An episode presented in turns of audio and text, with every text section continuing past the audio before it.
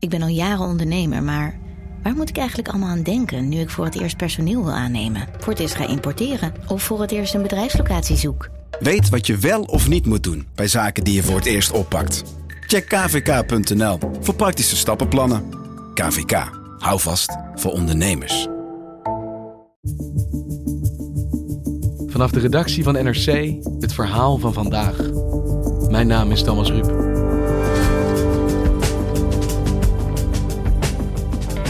Nabil komt uit een succesvolle Utrechtse migrantenfamilie. Eén broer werd ondernemer, een ander partner op de Zuidas. Maar Nabil, het nakomertje, sjeeste zijn architectuuropleiding en ging van de wiethandel naar de cocaïne. Uiteindelijk raakte hij betrokken bij zeker drie liquidaties en bracht zijn familie naar de rand van de afgrond. Deze week verschijnt hij in de rechtszaal als kroongetuige Nabil B. tegen de meest gezochte crimineel van Nederland.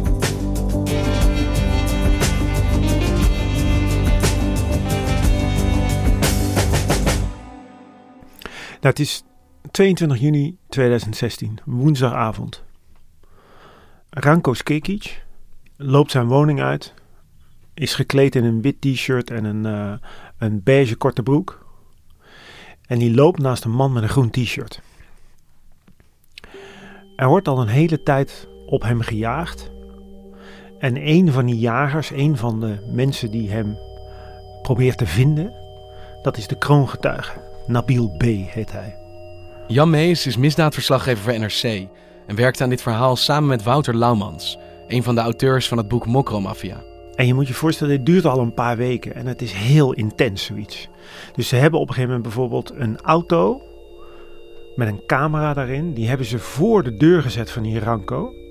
Zo van, dan weten we wat zijn patroon is. Of die s ochtends vroeg weggaat of die s'avonds laat thuis komt. En dan kunnen we op basis daarvan een plan maken van wanneer gaan we hem te pakken nemen.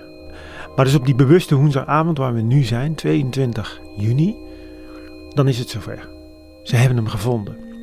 Nabil ziet hem en die pakt zijn PGP-telefoon. Zo'n gecodeerde telefoon waarmee je boodschappen kunt versturen die de politie niet kan kraken. En hij zegt: Ik zie hem lopen. Naast een man in een groen t-shirt. De bedoeling is dan dat Nabil als spotter, zo wordt dat genoemd in het milieu, dat hij wordt gewaarschuwd op het moment dat de schutters gaan komen. Want die spotters en de schutters die moeten elkaar niet zien, die moeten niet van elkaar weten wie ze zijn. Wanneer de scooter dichterbij komt, haalt de man achterop opeens een wapen tevoorschijn. En dan gaat het snel. Er wordt gericht op Ranko geschoten. Die is al geraakt en ligt al op de grond als de schutter nog een tweede wapen trekt. Ranko Skekic overlijdt ter plekke. En Nabil, die is dan de rivier overgestoken. Die heeft dan de keuze gemaakt om betrokken te zijn bij een liquidatie. Dus dat betekent ook dat jij in het criminele wereldje aan de ene kant krijg je status, want jij bent betrokken bij een levensdelict, maar aan de andere kant word je ook kwetsbaar, want als mensen over jou gaan praten, dan hangt er in een hele hoge straf boven je hoofd. Dus je komt zeg maar in een wurggreep terecht van de georganiseerde misdaad. En hoe dieper je daarin komt, en dit is zeg maar het, het diepst dat je kunt gaan, hoe kwetsbaarder je ook wordt en hoe afhankelijker je ook wordt. Dus je kunt niet meer terug.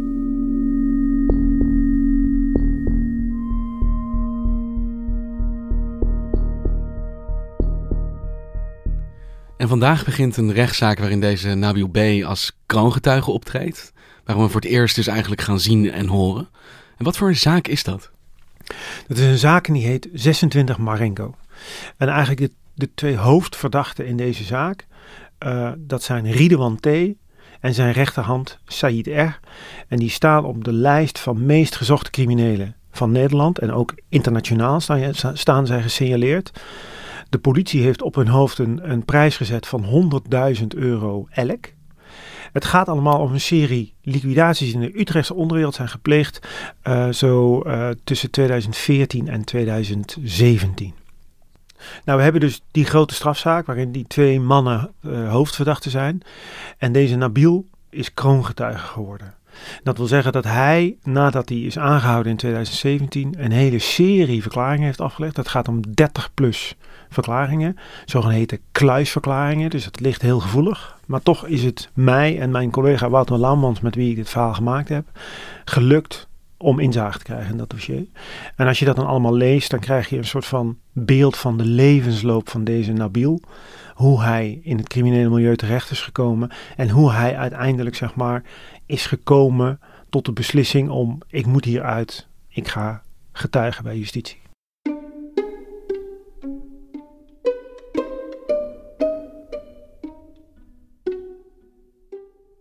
En welk leven komt hier uit tevoorschijn uit dit dossier? Nou, dit is een heel bijzonder verhaal. Zijn familie is Marokkaan, zijn naar Nederland gekomen. Zeg maar in de klassieke beweging van arbeidsmigranten vanuit Marokko naar Nederland. Uh, geland in Overvecht in Utrecht. En zij waren een voorbeeldgezin.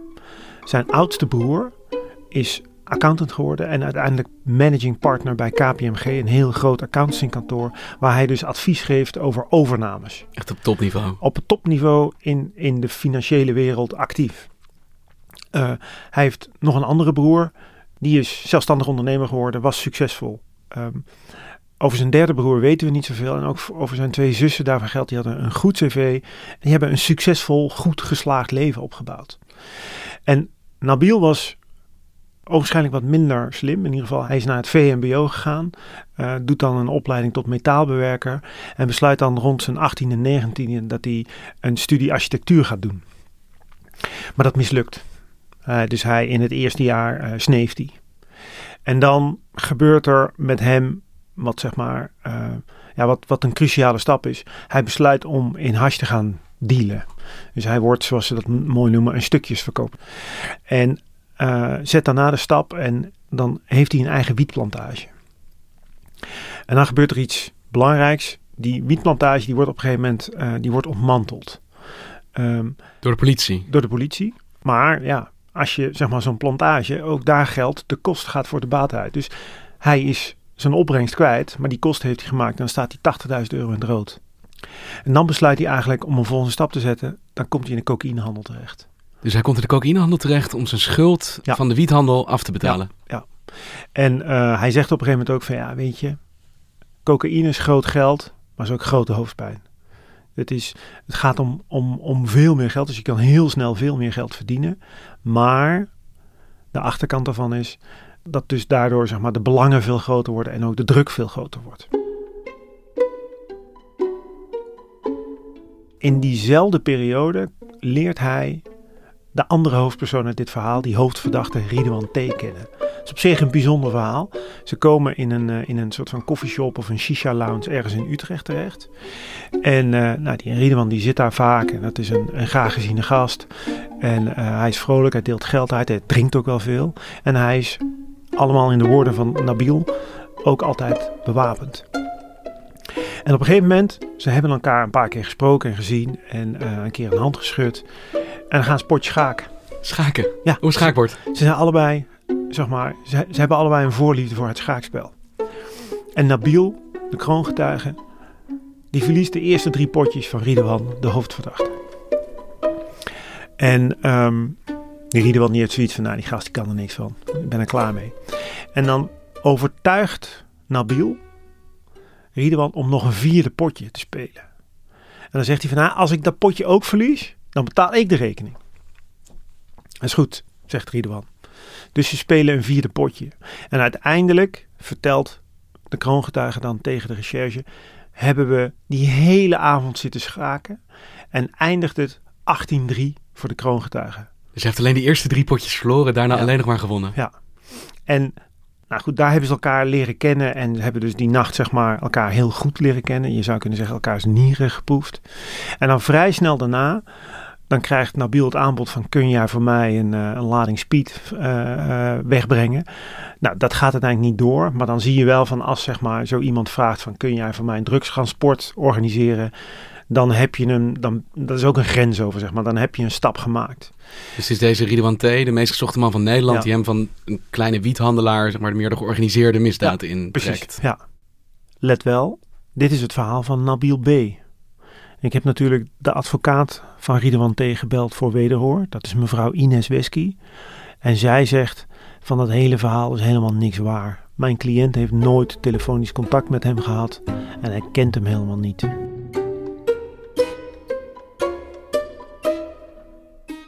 En denk je dat hij dat zelf besefte op dat moment? Dat hij een punt bereikt had van waar hij niet meer terug kon? Dat hij zo diep ingezonken was? Nee, maar dat, dat punt, in de zomer van 2016 bij die moord, dan weet hij dat nog niet. Maar een half jaar later, dan heeft hij dat punt bereikt. En dat heeft allemaal te maken met een vergismoord die in Utrecht wordt gepleegd op 12 januari 2017. En dat is de moord op een jongen die heet Hakim. Het doelwit was iemand anders, was op dat moment wel in de buurt. Maar de schutters hebben hem waarschijnlijk verwisseld met het slachtoffer en hij werd neergeschoten terwijl hij er helemaal niets mee te maken had. Hakim woonde in een flat waarin ook het echte doelwit van die liquidatie woonde. En die zou verhalen hebben verteld over die Riedewan. En het lijkt erop dat dat de reden is dat Riedewan hem dood wilde. En wat er dan weer gebeurt is dat um, Nabil wordt gevraagd van kan je een auto regelen. Nabil gaat aan het werk en regelt een Audi A5. En op zo'n Audi, op zo'n gestolen auto, daar worden dan ook altijd valse kentekenplaten opgezet. Dan draaien we de film een week door en dan wordt dus die Hakim per vergissing vermoord. Maar wat is nou aan de hand? Die Hakim, dat is een zoon van een criminele familie uit diezelfde Utrechtse buurt. En dat is een familie die Nabil heel goed kent. Dus die realiseert zich: oh mijn god, ze hebben niet alleen de verkeerde doodgeschoten. Dat is een jongen die ik heel goed ken. En zijn familie kent mij ook heel goed. En dan zijn er dus jongens in de buurt en die hebben dus Nabil zien klooien met die valse nummerplaten waar ik net over vertelde. En dan komt er een soort van spel op gang waarbij de vraag is: wie gaat er opdraaien voor dit probleem? De familie van Hakim die jaagt op de mensen die hierbij betrokken zijn. Ridwan T. die denkt: oh mijn god, krijg ik problemen met die, met die familie van die Hakim? Want die kent hij ook goed. Ze kennen elkaar allemaal. Dit was niet de bedoeling. Dus wat is er dan makkelijker dan de schuld te geven aan de gast die toch al gezien is terwijl hij aan het kloten was met die gestolen auto?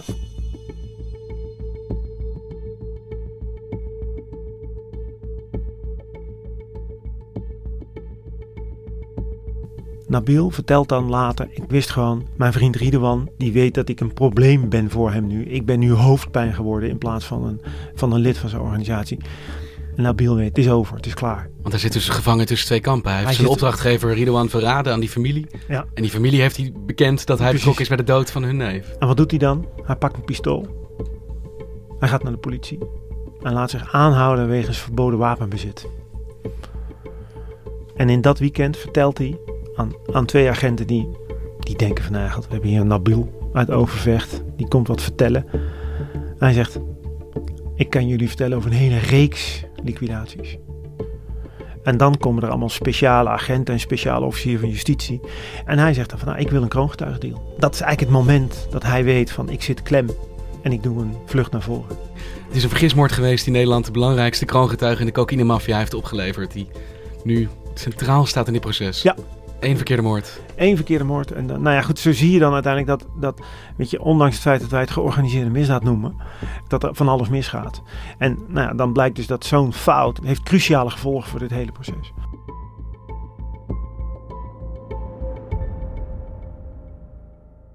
In maart 2018, dus dan zijn we ruim een jaar verder, maakt het Openbaar Ministerie bekend: we hebben een nieuwe kroongetuige. Het is Nabil B. Ik was toen bezig met een groot stuk voor de krant. En ik zal nooit meer vergeten dat ik op vrijdagochtend naar de krant fietste. Om het af te maken kreeg ik een belletje. Heb je het gehoord? Ze hebben de broer van de kroongetuige. Ze hebben hem doodgeschoten. De moord wordt gezien als wraakactie voor het praten met de politie door zijn broer. In een onderschept bericht uit een versleutelde telefoon zegt Ridouan over Nabil B. Ik ga iedereen van hem laten slapen als hij mijn naam heeft genoemd dit is, we hadden heel veel meegemaakt in de georganiseerde misdaad in Nederland. We hebben, een, we hebben uh, zeg maar moorden gehad, we hebben series moorden gehad. We hebben op een gegeven moment een lichaam gehad waarvan het hoofd was afgehakt. Maar dit hadden we nog niet meegemaakt. Dat er een familielid vermoord werd. En Nabil, die wordt geconfronteerd met de gevolgen. Eerst van zijn beslissingen om in de misdaad te gaan. En vervolgens van de beslissing om kroongetuige te worden. En dat betekent eigenlijk ook dat dat hele succesvolle migrantengezin uit Overvecht, dat valt helemaal uit elkaar. De moeder van Nabil en, en, en, en zijn doodgeschoten broer, die moet vluchten. De succesvolle man die voor KPMG werkt, die wordt 24 uur later met zijn hele gezin uit zijn woning gehaald, omdat de politie vreest dat ook hem iets zal worden aangedaan. De broer van Nabil is op dat moment gescheiden en de moeder en zijn twee jonge kindjes, die moeten het huis verlaten, die, moeten, die, die stand te penen naar Marokko. Vervolgens komen zij een aantal dagen later terug en dan moeten die moeder aan twee jonge kinderen gaan uitleggen hoe papa is overleden. En dan moet je ook voorstellen dat die kinderen die, die wonen inmiddels weer ergens in Nederland, maar in een, in een soort van beschermingsprogramma. En die mogen niet vertellen aan hun vriendjes en vriendinnetjes op school hoe papa aan, een einde is, aan zijn einde is gekomen, omdat dat eventueel hun, hun cover kan verraden. Zo hard grijpt dat in, in het leven van, een, van zo'n familie.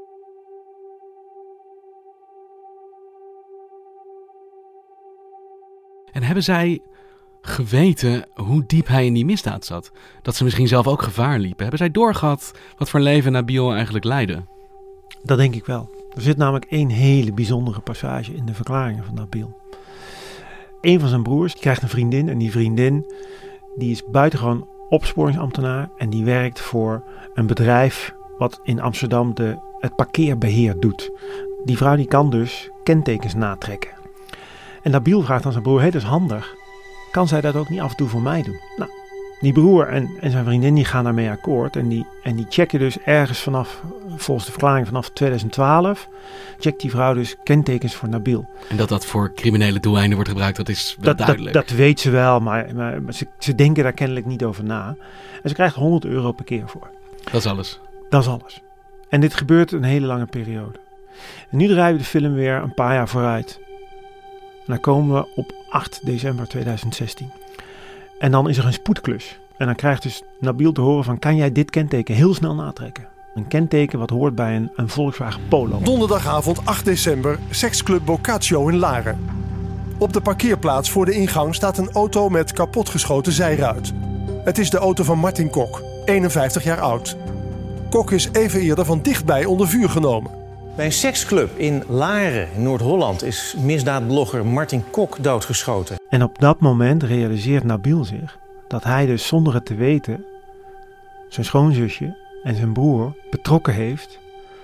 bij die hele zware misdaad... waar hij inmiddels diep in is gezonken.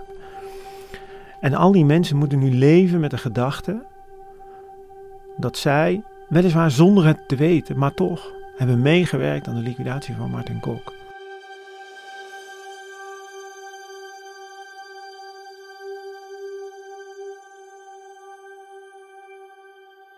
En deze week gaat Nabil dus getuigen tegen zijn voormalige schaakpartner, eh, de meest gezochte man van Nederland, eh Ridouan T. Maar die is onvindbaar, eh, al jaren. En we weten eigenlijk niet eens goed hoe hij eruit ziet, begrijp ik. Wat voor een leven gaat Nabil dan tegemoet? Zelfs als hij ooit weer op vrije voeten komt. Dat is een kapot leven. Kijk, hij heeft een deal met het Openbaar Ministerie. Dat wil zeggen dat ze hebben afgesproken dat ze 12 jaar celstraf tegen hem gaan eisen. Dan komt hij in een getuigenbeschermingsprogramma terecht. Maar betekent voor Nabil natuurlijk ook dat hij in het reinen moet komen met alle beslissingen die hij in het verleden heeft, heeft genomen en de gevolgen die dat heeft gehad. En als je bijvoorbeeld in zo'n getuigenbeschermingsprogramma zit, dan is het nauwelijks mogelijk om contact te hebben met je familie. Dus het zal zelfs voor Nabil heel moeilijk zijn om uit te praten met zijn familie wat er allemaal gebeurd is. Want je kunt je voorstellen dat, dat daar heel veel te praten valt. En de vraag is of dat überhaupt mogelijk is. Dus dit is een, ja, dit is een, eh, ik weet niet of hij in staat is om zeg maar op basis van dit fundament nog een nieuw zinvol bestaan op te bouwen. Maar je, je, je kunt je wel voorstellen dat dat ongelooflijk moeilijk zal worden. En voor zijn familie, is er een kans dat zij nog terug kunnen naar een schim van het leven wat ze hiervoor hadden? Of geldt dit ook voor hen? Nu duidelijk is geworden dat zij ook gevaar lopen. Nou, ik denk dat, dat in ieder geval zolang als, als Ridwan T. op de vlucht is, dat die kans heel klein is. Ehm, en ook hiervoor geldt, dit, is, dit zijn kapotte levens. En ja, die mensen gaan door en die moeten door. En ze zullen proberen, zeg maar, er het beste van te maken. Maar het wordt nooit meer zoals het was. Dankjewel Jan. Graag gedaan. En succes vandaag in de rechtbank. Je luisterde naar Vandaag, een podcast van NRC. Eén verhaal, elke dag. Dit was vandaag, morgen weer.